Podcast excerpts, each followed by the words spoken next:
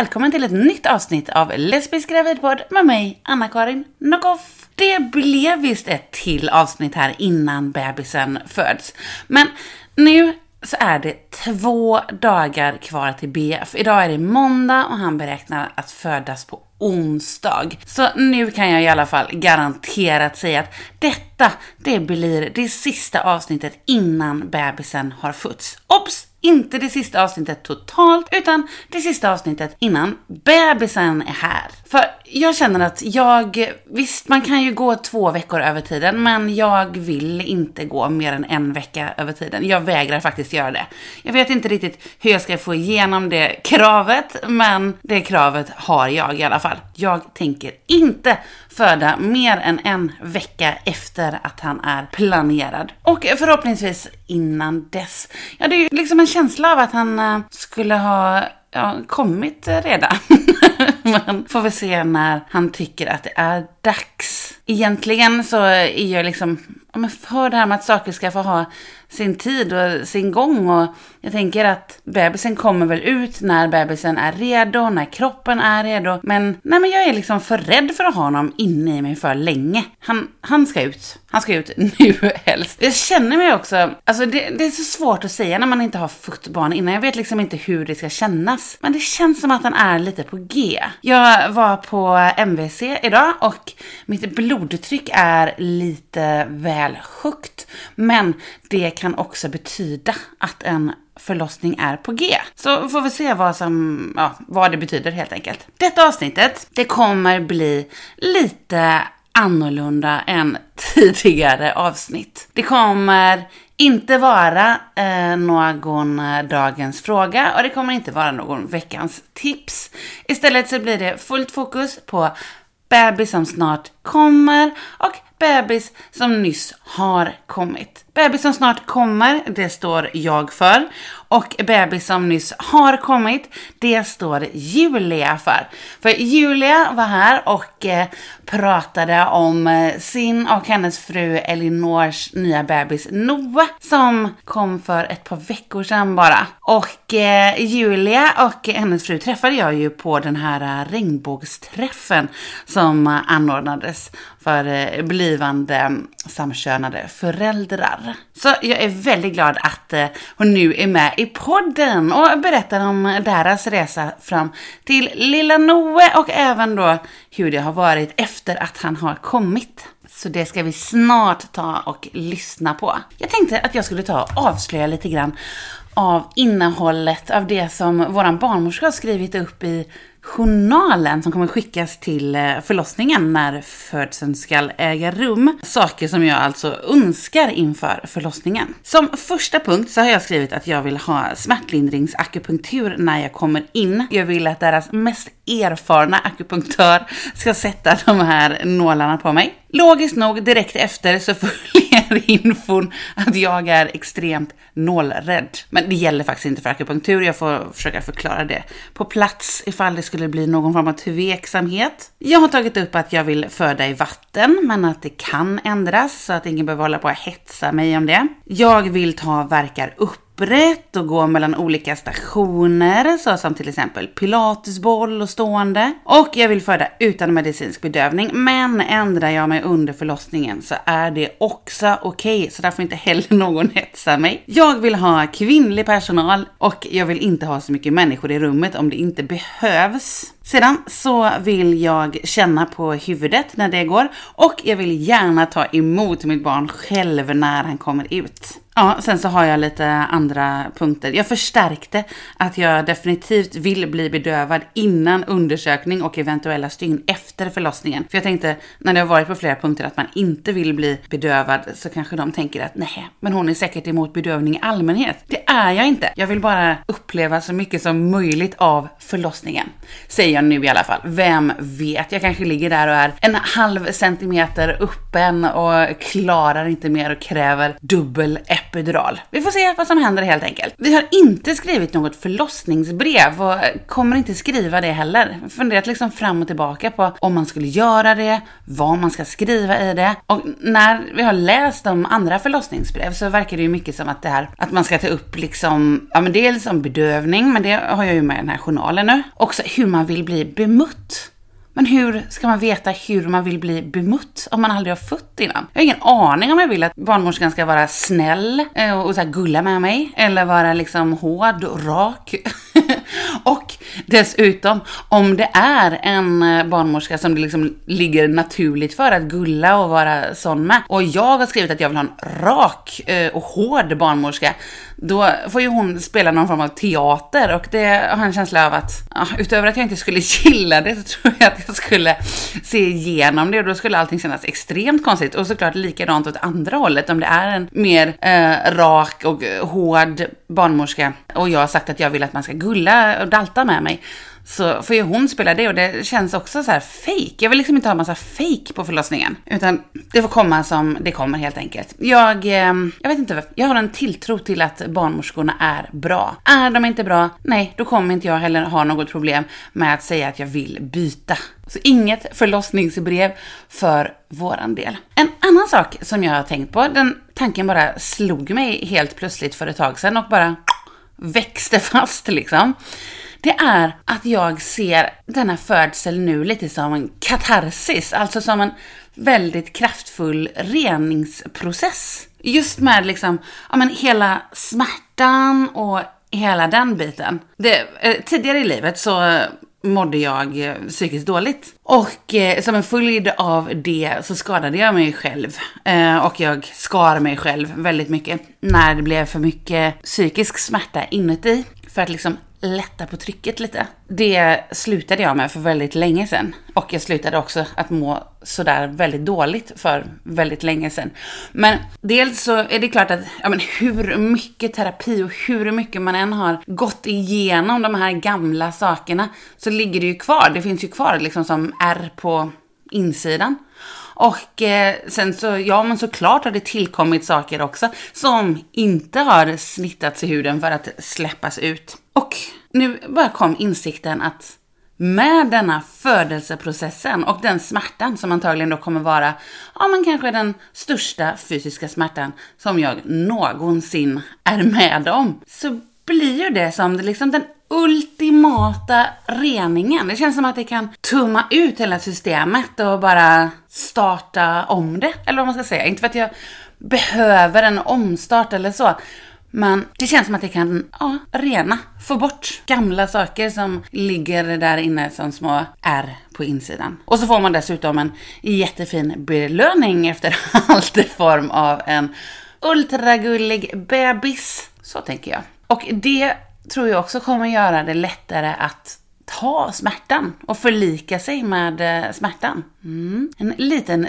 teori som jag har. Men som sagt, vi får se. Vi får se hur det blir. Jag tror att jag är redo i alla fall. Och sen jag kom på det här så känner jag mig liksom ännu mera redo. Ja. Nu är jag osäker på om det framgick hur jag menar det här. Jag menar alltså inte att jag vill ha en omstart av kroppen, att jag vill bli en ny slags människa. Det är inte det jag tänker att eh, denna födelseprocess ska medföra, utan snarare liksom att denna, vad ska man säga, rivande smärta genom kroppen ska dra med sig gammal skit ut, gamla saker som ligger kvar som eh, man har mått dåligt för och även då saker som har tillkommit som liksom ligger där på insidan och även om man inte är medveten om dem hela tiden så ligger de kvar där och kan bubbla upp ibland. Det tänker jag att det nu ska, ja men liksom som en storstädning av kroppen från insidan. Som en uh, detox man säga.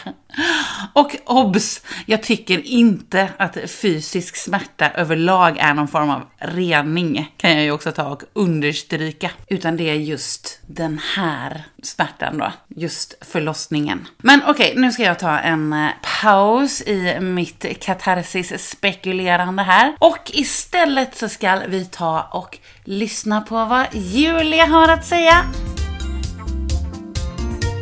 Hej Julia och välkommen till Lesbisk gravidpodd. Tack så mycket. Har du lust att presentera dig själv lite? Ja, jag heter Julia och är gift med Elinor och vi bor i Högsbo med våra små fyrbenta barn. Två katter och en hund och eh, vår lilla nya bebis som är två veckor. Åh, Ja, grattis till er nya bebis! tack. Men hur är livet med en eh, liten bebis? Är det liksom som du trodde att det skulle vara? Det var det värsta jag varit med om från början. Men eh, nu är det jättemysigt och han är supersnäll och jättelugn och eh, allt funkar väldigt bra. Och han känner sig trygg med båda två och ja, så det känns jättebra och lugnt och tryggt. Ja, vad skönt. Men om vi då backar eh, rätt många steg. När bestämde ni er för att eh, skaffa barn tillsammans? Vi visste ju nästan från början när vi träffades, alltså inte direkt men man Nej. pratade om att, här, att man ville ha barn. Så eh, vi visste ju att någon gång kommer det komma ett barn. Men eh, sen så eh, ungefär efter ett år så bestämde vi oss för att ställa upp oss i kö. Eh, och då ställde vi upp oss i kö i Jönköping för att åka till Linköping och inseminera. Hur länge sedan är det då? Det är eh, fyra och ett halvt år sedan, Ja, tror jag. ungefär. ja. Varför skrev ni upp er där? Kommer ni därifrån? Eller? Eh, vi bodde där då. Ja, ni bodde där. Ja, så det var därför det var, det blev där. Det blev där. Ja. Men funderade ni på eh, olika sätt att gå tillväga på eller var det liksom, nej men vi kör det här från eh, start? Nej, vi tänkte att vi skulle åka till Danmark ganska länge. Mm. Eh, och eftersom det tog väldigt lång tid, för vi stod i kö i nästan tre år tror jag. Ja. Så vi funderade ju många gånger på att åka ner till Danmark. Men eh, sen så gick vi, kom vi längre och längre fram i kön och tänkte att det var smidigt att eh, inte behöva adoptera sitt eget barn och Mm. sådär. Det var detaljen. Ja, eh, så att då bestämde vi oss för att vi kör på Sverige. Men om ni hade fått välja, hade ni velat ha en anonym donator eller ville ni ha en öppen donator? Från början så tänkte vi att vi ville ha en anonym donator. Eh, men nu i efterhand så är... Alltså jag tycker det är ganska skönt att vi inte har en anonym don- donator för att då kan då har barnet möjlighet att välja om den vill få reda på någon sjukdomshistorik eller ja, Mm. jag vet inte vad man skulle vilja få reda på för att det är ju som att donera ett hjärta. Men eh, Ja. ja. eh, Men om det skulle vara Ja, precis. Så har den möjlighet att veta det. Men var det självklart från start vem av er som skulle bära barnet? Ja. Ja. Eh, Elinor hade inte ens tagit en, ett blodprov innan vi började den här processen Nej. i hela sitt liv. Eh, så att hon är väldigt smärtkänslig och eh, har inte haft något behov av att bära ett barn och Nej. inget, eh, tycker inte det är roligt att se. Alltså, det spelar ingen roll för henne att se något som ser ut som henne eller så att för henne spelar det ingen roll. Nej. Eh, och hon hade inte intresse av att bära, så då blev det jag. Mm, ja. Och jag har alltid velat bära barn. Ja, men perfekt match. Ja. Hur många försök gjorde ni innan ni blev gravida? Alltså vi lyckades på första försöket. Det är ju helt sjukt. Ja, ja verkligen. Alltså jag, Man gick ju och tänkte så här, jo men jag tror jag, jag tror jag känner att jag är gravid. Ja. Och man, eh, men man tänkte ju att nej men det är ju omöjligt. Det finns ju, det, alltså det ser man ju överallt. Det är ingen som klarar det på första försöket. Nej. Så jag blev jättechockad. Ja. Att det blev liksom, att det blev ett barn direkt. Ja. Att det lyckades hela vägen och att det inte blev missfall och att, eh, men att det lilla barnet liksom klarade sig hela vägen och var frisk och alltså, ja, Mm. det är ju galet. Gud vad skönt. Ja. Hur många trodde ni att ni skulle få göra försök innan? Eller hade ni, hade ni ställt in er på någonting liksom? Nej men alltså minst tre tänkte jag i alla fall. Ja. Alltså innan någonting skulle hända. Ja. Men ja, nej. Vi var sig. väldigt lyckligt lottade och Ja. lyckades första. Gud vad skönt. Ja. Men eh, hade du gjort något speciellt då liksom innan eh, för att öka chansen? Eller levde du på något speciellt sätt? Eller åt något Eh, speciellt? Nej, alltså det enda jag gjorde var att jag hade ätit eh, vitaminer, sådana här gravidvitaminer i eh, typ ett halvår. Ja. Eh, och sen så hade jag inte druckit alkohol på en eller en eller två månader ungefär. Ja. Eh, så det var det enda jag gjorde för att, för att få till ett barn. Ja. Så det kan vara det magiska receptet. Men hur var graviditeten sen? Eh, de första 14 veckorna var, då mådde jag illa konstant. Ja. och eh, blev sjukskriven och fick vara hemma och typ ligga på soffan. Så att eh, det var inte roligt. Eh, men Nej. sen så var det jättebra fram tills eh, sista, alltså fram till sista dagen på, alltså när vi var beräknade. Mm. Och efter det så var det också, den här veckan som vi gick över, det var fruktansvärt. För då, man, man bara väntade och var orolig för att barnet skulle dö och man, ja det var inte, nej. Och sen svullnade jag upp så jag kunde typ inte röra mig och jag fick ont och dagen efter vi gick över tiden så fick jag massa bristningar på magen och Nej, allt kom på Ja, en gång. allt kom. Dagen efter vi gick över. Och sen var man ganska rastlös för jag hade varit hemma i en månad. Eh, så att eh, det kändes bara som att jag ville få ut det där barnet. Och då blev vi ju till slut igångsatta. Ja, men skönt. Ja. Hur, men hur var det liksom att bli igångsatt? Vad, vad gjorde de? Det började med att vi kom in klockan åtta på lördagen, den 22. Och eh, så satte de in en ballong vid klockan 10. För även om jag inte var uppe någonting så försökte de ändå få in en ballong. Och sen så var vi där ett dygn ungefär. Eh, och de drog det här snöret eh, som hängde ut var tredje timme. Ja. Och eh, efter det så, eller på natten så fick vi sova. De drog ju, så vi fick ju vakna var tredje timme och ta CTG och eh, dra i snöret. Men eh, vi fick i alla fall sova typ sex timmar. ja, skönt. Ja, det var ju jätteskönt att man inte var helt ut, eh, alltså helt jättetrött Mm. när det skulle sätta igång. Eh, och så drog de lite mindre på natten tror jag, för att den inte skulle åka ut för att vi skulle hinna sova. Ja, ja. Eh, och sen på morgonen så sa hon det, gud vad konstigt att den inte åkte ut och så typ så här drog hon till Ja. lite extra och så bara ah, nu kom den ut! Och sen så fick vi verkstimulerande, Sen dropp då, eller var det sån gel? eh, dropp, eh, som jag hade i hela, hela förlossningen sen. ja okej. ja. Men det första dygnet där, när man hade ballongen, så fick jag ju lite sådär mensvärk och tänkte ja men det här var ju inte så farligt. Och vi var ute och gick och man gjorde, försökte göra lite så här stretchövningar för att hjälpa till. Och, Mm. Men sen när verkstimulerande kom igång, då blev det ju, då fick man ju verk, alltså, kraftiga verkar ganska direkt. det kommer väl igång extra kraftigt då också va? Ja, jag vet, Ja. jag vet ju inte skillnaden men, Nej, eh, nej. men, men de försöker nog att göra det lite, alltså lite lugnt liksom. Men det kom ju ändå igång. Alltså direkt när eh, droppet kom in på mig i alla fall så Ja. startade ju verkarna. Och sen så gick det ganska bra i sju timmar. Eh, och jag kunde lyssna på min kropp jättemycket och ställa mig i positioner och så här som var jättevidgande sa barnmorskan. Och Mm. kunde andas igenom med lustgas och jag ville ju verkligen inte ha epidural. Men eh, sen ungefär när jag var sju centimeter efter sju timmar, då gick jag in i någon helt annan... Alltså det var som att jag åkte till en annan planet. Ja. Jag var liksom inte med och jag kunde inte, jag kunde inte tänka mig igenom eh, verkarna och, jag, och ingen, alltså ingen av de smärtlindringarna, för jag provade lite akupunktur och lite så här, och tensmaskin och lustgas, men ingen av de grejerna hjälpte så mycket. Så Nej. att eh, då ville jag ha epidural till slut. Men var det liksom smärtan som ökade eller var det att, menar, att, man ska säga, att du tröttnade på att ha ont så himla länge? Det var att Det kanske är svårt att veta. Ja, Alltså, det var... det kändes inte som att det hade gått sju timmar. Jag var ganska chockad över att det gått sju timmar. Men eh, det var liksom för tungt. Alltså det var sån tryck och man kunde, alltså det var så jobbigt. Ja. Att man liksom inte kunde tänka,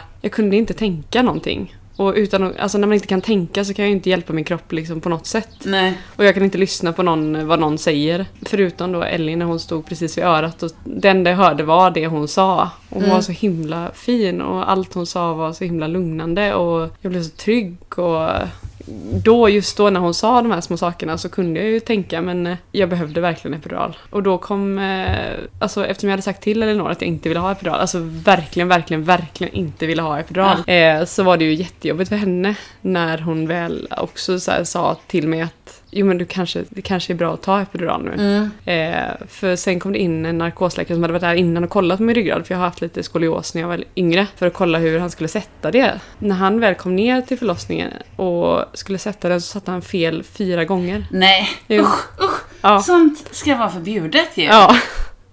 De borde ju sluta efter två gånger. Ja. Och sitta och, alltså, och att man ska sitta och liksom kuta ryggen och det kommer verka jättetätt. Ja. Och, och han var ganska dryg också och sa liksom att eh, nej men, eh, åh gud vad jobbigt att du precis fick verk nu. Nej, men. Alltså, ja. Eh, ja, och Ellie fick mer, mer panik och hon, alltså, hon har ju Ja. hållit sig lugn och hon klarar inte, alltså, hon klarar inte av att se smärta heller så mycket. Nej. Men hon hade ju hållit sig lugn alltså, så länge för att inte, alltså, och varit jätteduktig. Ja. Eh, men just när jag fick epidural och hon fick så dåligt samvete för att det gick snett och jag fick ont, det var enda gången jag nästan skrek på det sättet. Alltså Ja. att jag verkligen fick ont. Då var det ju ganska jobbigt. Men sen så kom det in en, en kvinna, så här äldre härlig kvinna som eh, satte epiduralen på första gången och typ så, alltså var jättelugn och Ja. bara, om det inte funkar nu så kommer du inte kunna ha epidural typ. Då fick Nej. jag panik. Men sen så satte hon den första gången och Gud vad skönt. Ja. Det kom in någon som kunde. Ja. Och de sänkte verkstimulerande, kom barnmorskan på att de kunde göra. Så att då eh, blev det lite mer, mindre intensivt. Men hur var, hur var det då efter att epiduralen liksom, när den verkade? Det var helt, alltså efter epiduralen så var det som var i, det var så skönt. Mm. Jag, alltså jag hade ju fortfarande lite verkar men jag kunde ju prata och skratta emellan verkarna och man kunde liksom Ellie sprang ner och köpte en eh, Magnum och Ja. jag fick ligga där och äta och jag kunde dricka och man kunde tänka, alltså ja, det var ju helt fantastiskt. Så jäkla härligt. Eh, så jag är så himla glad att jag tog epidural. Men hur lång tid tog det efter det då? Vad, tills han kom ut liksom? Jag har ingen koll på tiden. Nej. Men eh, alltså vi började ju klockan 10 med de här verkstimulerande och så han, han kom ut 23.56. Men det kanske, alltså det kändes inte som att det tog så jättelång tid eh, där. Nej. Det kanske tog eh, två timmar Ja. eller något eh, efter epiduralen. Och eh, jag tror inte det tog längre tid för att vi tog epiduralen heller. Som jag var också rädd för att det skulle ta. Att Mm. man skulle få mindre verkar och man skulle liksom... Nej, jag tror inte att det tog längre tid. Nej. Nej men efter epiduralen så var det väldigt lugnt och det var som de första verkarna. Alltså där man kunde Mm. andas igenom och sådär. Men eh, när krystverkarna kom igång så var det ju, de kom ju nästan hela tiden. Alltså det var inget stopp på dem direkt. Och då fortsatte jag med lustgasen men då hjälper ju inte epiduralen någonting. Eh, och då var han ute på en halvtimme sa barnmorskan sen. Ja. Oj. Jag hade ju inte orkat eh, tror jag ligga längre där heller. Då Nej. hade man ju fått krupp. Gick det bra att trycka ut honom? Ja, förutom att det Mm. kändes som att alltså, man, fattar liksom inte hur kroppen lyckas få ut någonting. Alltså, för det känns som att du ska trycka någonting igenom en sten. Att du ska, liksom, du ska lyckas pressa någonting igenom någonting som inte går att pressa någonting igenom. Ja. ja. eh, och, eh, men det, det gick. Och man liksom fattar ändå när man ligger där på något konstigt sätt hur man ska göra. Kroppen eh, Ja, kroppen lyckas liksom fatta. Ja, vilket är konstigt. jättehäftigt. Ja. ja. Som att den har någon kroppsminne som den inte borde ha. Men Ja. har ja, jättekonstigt. Ja. Och hur man fattar hur man ska andas och hur man fattar hur man ska trycka och... Att man, alltså jag, jag, lys- jag kunde inte riktigt lyssna i början på vad barnmorskorna sa. De sa till mig att jag inte skulle trycka en, en stund. Mm. Eh, och då hörde jag inte det för att jag liksom... Jag hörde ingenting då heller. Men eh, sen när man väl hörde vad de sa igen så blev det så mycket lugnare och då kunde jag lyssna på så att jag inte fick massa bristningar och att de sa till mig när jag skulle trycka och inte trycka. Och, Ja, men vad bra. Vad skönt Ja. att kunna kontrollera det liksom. ja. Men hur hade ni liksom förberett er på något sätt innan förlossningen förresten? Typ, ja men det här ska vi ha med och äta och dricka, det här ska vi göra om det blir långdraget. Eh, ja, vi hade, eller dagen innan så hade vi träffat några kompisar som precis hade fått barn och sa att vi hade tre matlådor med oss och då fick ju, vi hade bara med oss tänkte ha med oss en matlåda så då fick Ja. vi panik och skulle göra massa matlådor på kvällen innan. Och Men eh, vi hade ju packat väskorna och vi hade ju, Ellie hade ju fixat rummet jättelång tid innan och hon är ju jätteförberedare så att Ja, hon, eh, coolt. ja och vi hade köpt massa godis och hade ju med oss musik, lite musik, vi hade inte gjort någon lista men de här typ fyra låtarna som jag hade lagt på en lista Mm. gick ju på repeat Ja. eh, och varje gång jag hör en av de låtarna så börjar jag gråta för att det, man bara tänker på förlossningen. ja. Så det var, väldigt, alltså det var väldigt roligt att ha en sån. Att ha musik i bakgrunden var väldigt lugnande och Mm. det, var, det var bra att ha musik. Och vi hade nog inte gjort så mycket andra förberedelser än att köpa godis och ta med oss kläder och lägga ner alla de här sakerna i väskan som man ser på Youtube att man ska packa de här väskorna med morgonrockar och tofflor och ja. Ja. Varma strumpor. ja. Men kunde du äta godiset då innan epiduralen? Eller? Eh, ja, var det- ja. det kunde jag faktiskt. Ja. Eh, och eftersom vi var där ett dygn innan med väldigt små verkar, vi var ju där i latensfasen. Mm, så ja, att ja, eh, då eh, hann ju vi äta godis och Ja, klart. mat och chips och ja. Ladda upp. ja. Men förresten, blev ni bemötta liksom bra av sjukvården och så? Både in, liksom under graviditeten och sen under förlossningen? Eller var det någon som gjorde något konstigt för att ni var två kvinnor? Alltså det här första samtalet i Linköping när man ska göra sociala grejen. Psykosociala utredningen? Ja, precis. Ja. Den var ju ganska speciell. Och eh, de frågade, Ellie har ju dreads och de frågade henne antal gånger om hon hade drogproblem.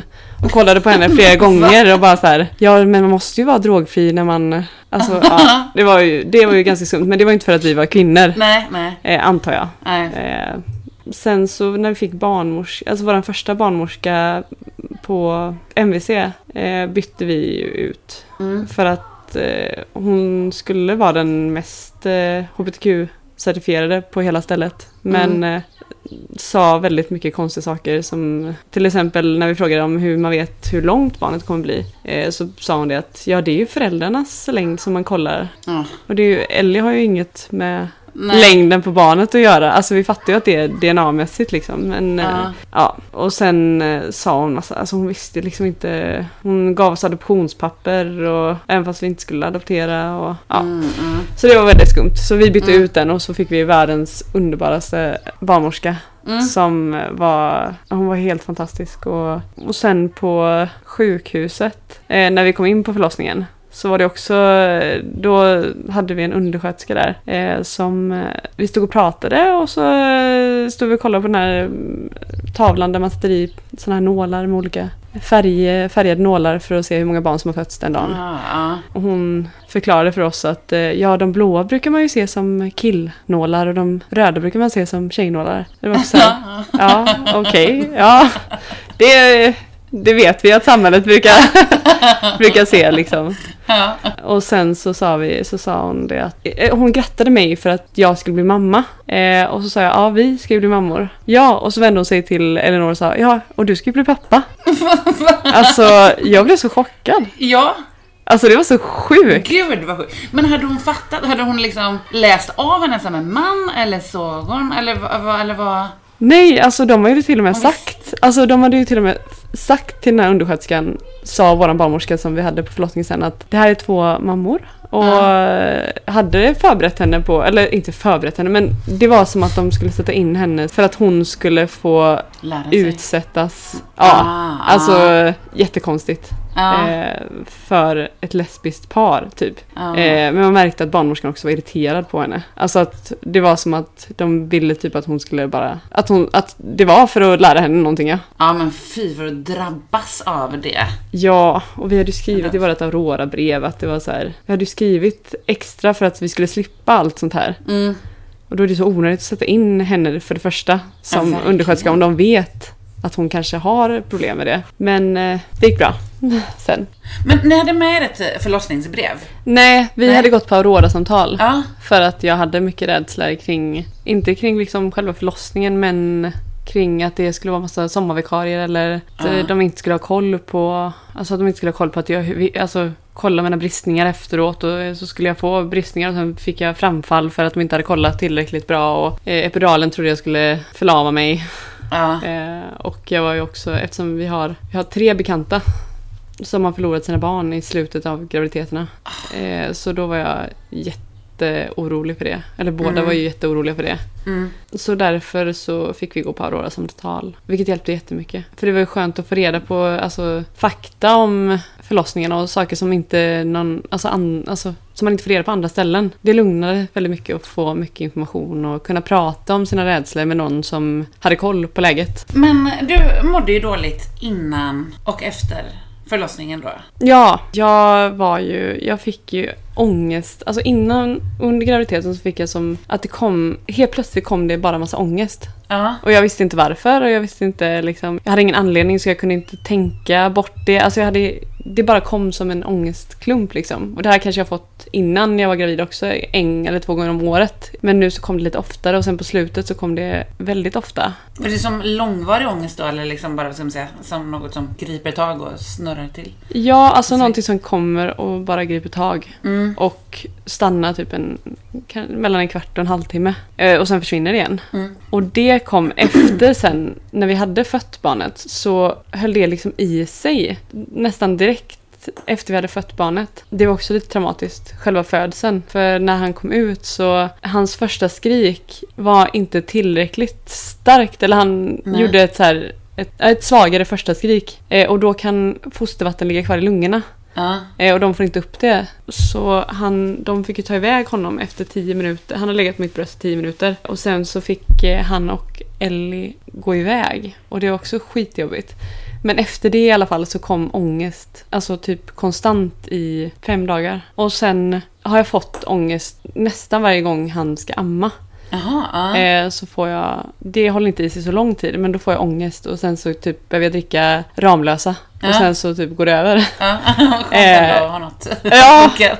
Ja, men också konstig grej att behöva dricka Ramlösa och sen så går ångesten över. Men Ja. ja. ja, skönt att det finns någonting som hjälper lite. ja, ja, verkligen. Eh, Som inte är så drastiskt heller. Ja. jag har ju hört att andra också har, alltså när folk säger att det är jobbigt att amma Mm. så kan det vara att det kommer en sån ångest. Det är kanske är vanligare än vad man tror att Ja. man får ångest när man ammar. Ja. Men det har blivit bättre nu. Att det har liksom, ja, det har avtagit väldigt mycket. Mm. Men det var ju någonting som jag inte visste liksom, att det, det är ju mycket hormoner. Man fattar ju att det är mycket hormoner i kroppen när man är gravid och när man får amningshormoner och sådär. Men det är ju någonting som jag inte hade fattat att... Alltså det, det var skönt när barnmorskorna sa att det här är normalt. Tänk på att det är mycket hormoner, tänk på att det är mycket känslor. Alltså det är ju, du ska få, ni ska få ett barn. Mm. Det är ju en jätteomställning som... Det vore konstigt om det inte kom massa känslor liksom kring det. Men blev det, kände du ändå att du liksom kunde ta dig till barnet och så, eller blev det stört av man, all ångest runt omkring? Alltså det första, de som, när, jag föd, när han kom ut liksom så sa de kolla nu, kolla nu, nu kommer huvudet ut och det, jag ville, alltså jag ville typ inte kolla. Nej. För jag höll ju på med mitt, jag höll ju på att föda barn. Ja, ja. Jag hade inte tid att kolla på barnet. På hans resa? Eh, det vet jag inte om det var för ångesten. Eh, och sen att jag inte var, alltså jag var inte jätteorolig. Alltså jag, jag var ju jätteorolig när han var borta. Och de inte, jag visste liksom ingenting och ingen, alltså de hann ju inte komma in hela tiden och säga till mig vad som hände. Eh, så jag var ju väldigt orolig. Men jag tänkte nog, om något sånt här skulle hänt innan, Mm. eh, så tänkte jag nog att jag skulle reagerat mer, alltså ännu kraftigare. Men jag, nej, men när, han la, när de la honom på bröstet så blev jag ju, alltså man blev ju helt superkär. Ja. Alltså jag blev det direkt. Han var så söt och, men eh, nej jag vet inte om ångesten hade med någonting med det att göra. Att jag inte kände lika mycket panik när de tog iväg honom. För jag visste ju också att han var med Ellie och att Ja. han var liksom, han var med någon, han var inte helt ensam. Nej. Men, men hur, har, hur har livet varit liksom sen, sen ni fick en bebis i ert eh, liv? Och eh, utöver liksom ångesten, hur, har- hur har ni mått? Har Eh. Elinor mått bra? Ja, Ellie har mått väldigt bra. ja. Eh, och han eh, kollar alltid efter henne när, hon, när han hör hennes röst så kollar, vänder han alltid på huvudet och försöker hitta henne. Ja. Det har ju, alltså hon har ju fått verkligen ställa upp hela tiden och göra saker. För man kan, jag kan ju kunde inte röra mig jättemycket efter Nej. förlossningen. För jag har fått någon, jag tror att det är någon infektion i det stygnet.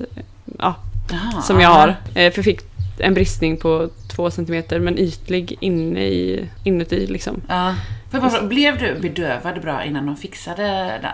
Ja, Ja, det blev det. jättebra. Ja, jag kände okej. inte någonting. Fast jag tog ändå lustgas Ja. när de skulle göra det. Ja. Men eh, alltså efter jag hade fött så kände, alltså jag tror jag var så trött så att Mm. jag tänkte liksom inte på att om det skulle gjort ont så skulle jag nog inte ha tänkt på det. Nej.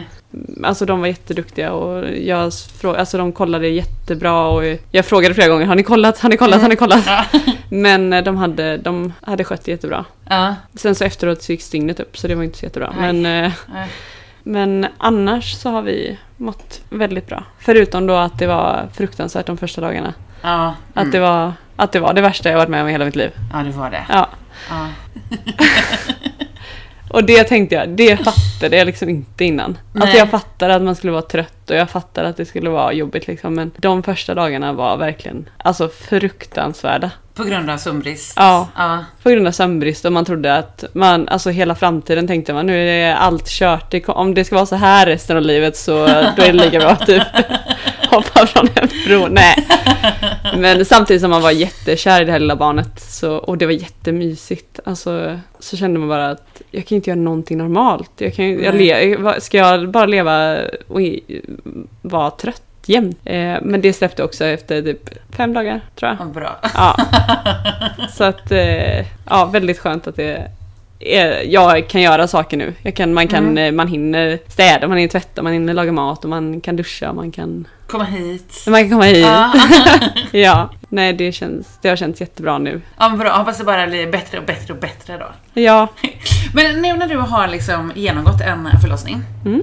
har du något tips till någon som ska göra det? tipset, alltså dels när jag lyssnade på den här eh, Hypnobirth när du pratade om det och så började jag kolla lite på det. Det var ju jättebra. Alltså att se förlossningar som är, kolla på YouTube på förlossningar som är lugna och att man ser att det är möjligt liksom och att man, att eh, jag lyssnade på en annan podd eh, där de pratade om att eh, det inte är att det gör ont, att det är ett tryck och att tänka det hela tiden, att det inte gör ont, det är ett tryck.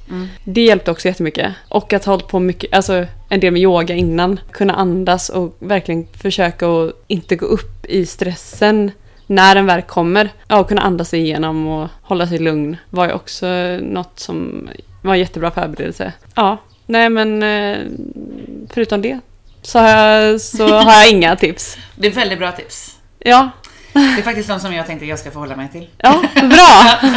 To-do-list. Ja, Men tror du att det blir något eh, mer barn för er? Ja, garanterat. Ja. Direkt efter förlossningen sa jag aldrig mer. Det blir kejsarsnitt, jag kommer kräva kejsarsnitt nästa gång. Men typ så här, två dagar senare så kände jag att jag, alltså jag är typ sugen på att föda barn nu. Oj! Ja, Ja, vad bra. Vad bra reklam för barnfödande. ja verkligen. Nej, jag, har, jag är jättepepp på nästa barn. Ja. Eh, Och vi har ju redan pratat om att vi vill ha ett till barn. Ja. Vilket jag hade sagt innan också, jag har sagt hela tiden att jag vill ha tre barn. Ser verkligen fram emot att föda fler barn. Ja, men vad kul. Vad Ja, roligt. ja. Men eh, okej, där, där var ju då ett tips till ehm, om man ska genomgå en förlossning eller vad man ska säga. Men har du något tips eller råd till andra lesbiska som funderar på att skaffa barn eller är gravida som då behöver inte ha med just förlossningen att göra? Utan allmänt. Våga, alltså våga stå på er och inte. Alltså jag tror man ångrar mer, även om man är i en väldigt utsatt situation. När man sitter med läkare och när man står med sin undersköterska på förlossningen som säger konstiga saker så tror jag att man tjänar på att våga säga ifrån för det blir nog inte någonting som ligger kvar sen och stör en. Nej. Och som kanske gör att någonting händer också. Att det Ja. inte bara fortsätter vara okej att säga konstiga saker. Nej. Så det är väl ett tips. Ja. Just till lesbiska som vill skaffa barn. Ja, men väldigt bra tips. Ja. Tusen tack för att du har kommit hit och varit med i Lesbisk gravidpodd. Tack så mycket för att du vill komma. Och lycka till med allting. Tack! Du med! Tack! Lesbisk gravidpodd.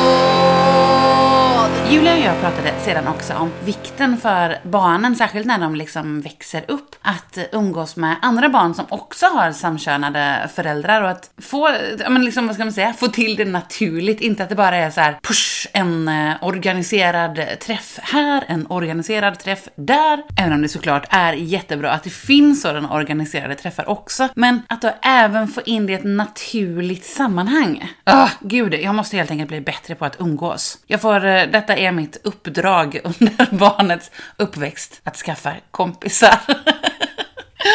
Ja, men eh, nu så eh, tänker jag faktiskt att jag tar och avrundar detta avsnitt och går och lägger mig och vilar precis som jag har blivit ordinerad av barnmorskan. Kan ju ta och berätta bara en så fantastiskt fin sak som hände förra helgen. Ja, förra helgen blir det. Inte den som var nu, men den som var innan. Karro och jag var ute och utförde lite ärenden på stan. Vi köpte en kudde till vagnen, vi var åt lunch och lite andra grejer. När vi kom hem så möttes vi av ett hem som var dekorerat med massa girlanger av olika slag. Och ja, det var liksom väldigt fint hemma hos oss. Och när jag gick in i vardagsrummet så möttes jag av min fantastiska fåtölj som jag har dreglat ihjäl mig över och på senare tid då även hävdat att det här är den perfekta amningsfåtöljen som ytterligare ett argument för att vi ska skaffa den. Vi har dock inte skaffat den innan, men nu stod den här i vårat hem och den var dessutom omgiven av andra presenter. När jag som bäst stod och förvirrat uttryckte men what the fuck så ramlade det massa av våra älsklingspersoner fram här i vårt hem och så visade det sig att våra bästisar, a.k.a. min bror och Carros syster, hade anordnat en baby shower för oss. Så fint! På bordet så stod det en eh, frukttårta i form av en bebis, det fanns massvis med bål och det fanns massvis med mat och det fanns marängsviss och det var en helt fantastiskt fin baby shower som sen gick över till en baby shower fest dessutom. Och eh, ja, jag är faktiskt fortfarande rörd över hur eh, fint det var och hur glad jag blev och hur glad jag är över att vi nu har den så fina gula amnings och matningsfåtöljen. Jag lägger upp bild på det på Instagram, det hör jag med en gång att jag måste göra så ni får se. Men vet ni vad? Nu så går jag och lägger mig helt enkelt och försöker att pressa fram en bebis. Nästa avsnitt får vi väl helt enkelt se när det kommer då, men det kommer i alla fall när bebisen är ute. Och det kommer inte om helt lång tid, det kommer kanske inte om exakt två veckor, men mer två veckor än fyra veckor skulle jag i alla fall säga. Men också håll koll på Instagram för guds skull så märker ni vad som händer. Nej men hallå, nu glömde jag ju att eh, säga en sak som jag skulle ta upp här i podden också, nämligen att jag för ehm, ja, en eh, vecka sedan drygt fick bege mig in till familjerätten för att påbörja en faderskapsutredning. Bara för att då denna ska kunna läggas ner igen om ett par månader. Men det måste ju givetvis bekräftas att barnet inte har någon fader. Och det, det mm, påbörjades nu då med att jag till exempel fick eh, intyga att jag inte har haft något sexuellt umgänge med någon man runt tiden som bebisen kom till. Det är helt sjukt faktiskt att man ska behöva göra en sån här sak. Lesbiska, gifta par och heterosexuella par som inte är gifta. Varför skulle vi ligga med andra män, eller män överhuvudtaget, mer än vad gifta heteropar gör? Som ju då är de enda som inte behöver göra en faderskapsutredning. Jag fattar inte. Jag tycker det är extremt Konstigt. Men men, nu är i alla fall denna faderskapsutredning påbörjad. Och jag har också fått mitt intyg från kliniken där bebisen blev till att Donatorn är anonym, det finns ingen fader. Åh, det är så löjligt det här. Ska det inte bara läggas ner snart? Det är ju liksom eh, pinsamt. Men okej, okay. faderskapsutredningen är i alla fall påbörjad. Har du någon fråga? Vill du ha något sagt eller undrar över någonting? Så hör av dig till lesbiskgravidpodd@gmail.com och ha det allra, allra bäst så hörs vi rätt snart med en bebis dessutom och då kommer jag ju berätta om hur det gick till att få ut denna bebis ur mig. ha det så bra, puss puss, hejdå! Las pescavi